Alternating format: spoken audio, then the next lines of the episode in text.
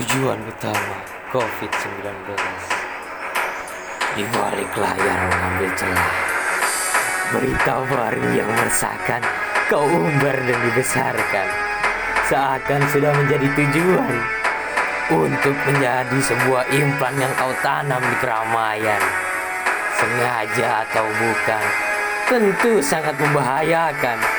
Karena tujuan utamanya Orang-orang yang serakah bukan? Kau bisa menutupi aib yang sengaja mengambil kesempatan untuk keluarga, sanak saudara, dan teman sepermainan. Sungguh sangat kasihan negeri ini, bukan? Seperti ditelantarkan. Ternyata benar kata pendahulu. Musuh negeri sesungguhnya adalah orang-orang yang serakah akan keadaan. Pandemi ini terlihat sungguh sangat mematikan. Bukannya penyakit bisa disembuhkan. Ini semua permainan atau memang sengaja dibuat untuk para budak elit global. Jika ya, kita semua angkat tangan, angkat kaki, mundur perlahan karena sudah seperti diterlanjangkan perlahan.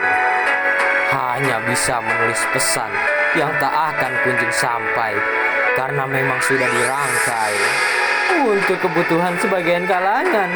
Hahaha, sudah tidak aneh lagi, bukan? Negeri elok dan damai dirusak bukan lagi karena penjajahan, tapi akan keserakahan para penjamret atas nama keadilan.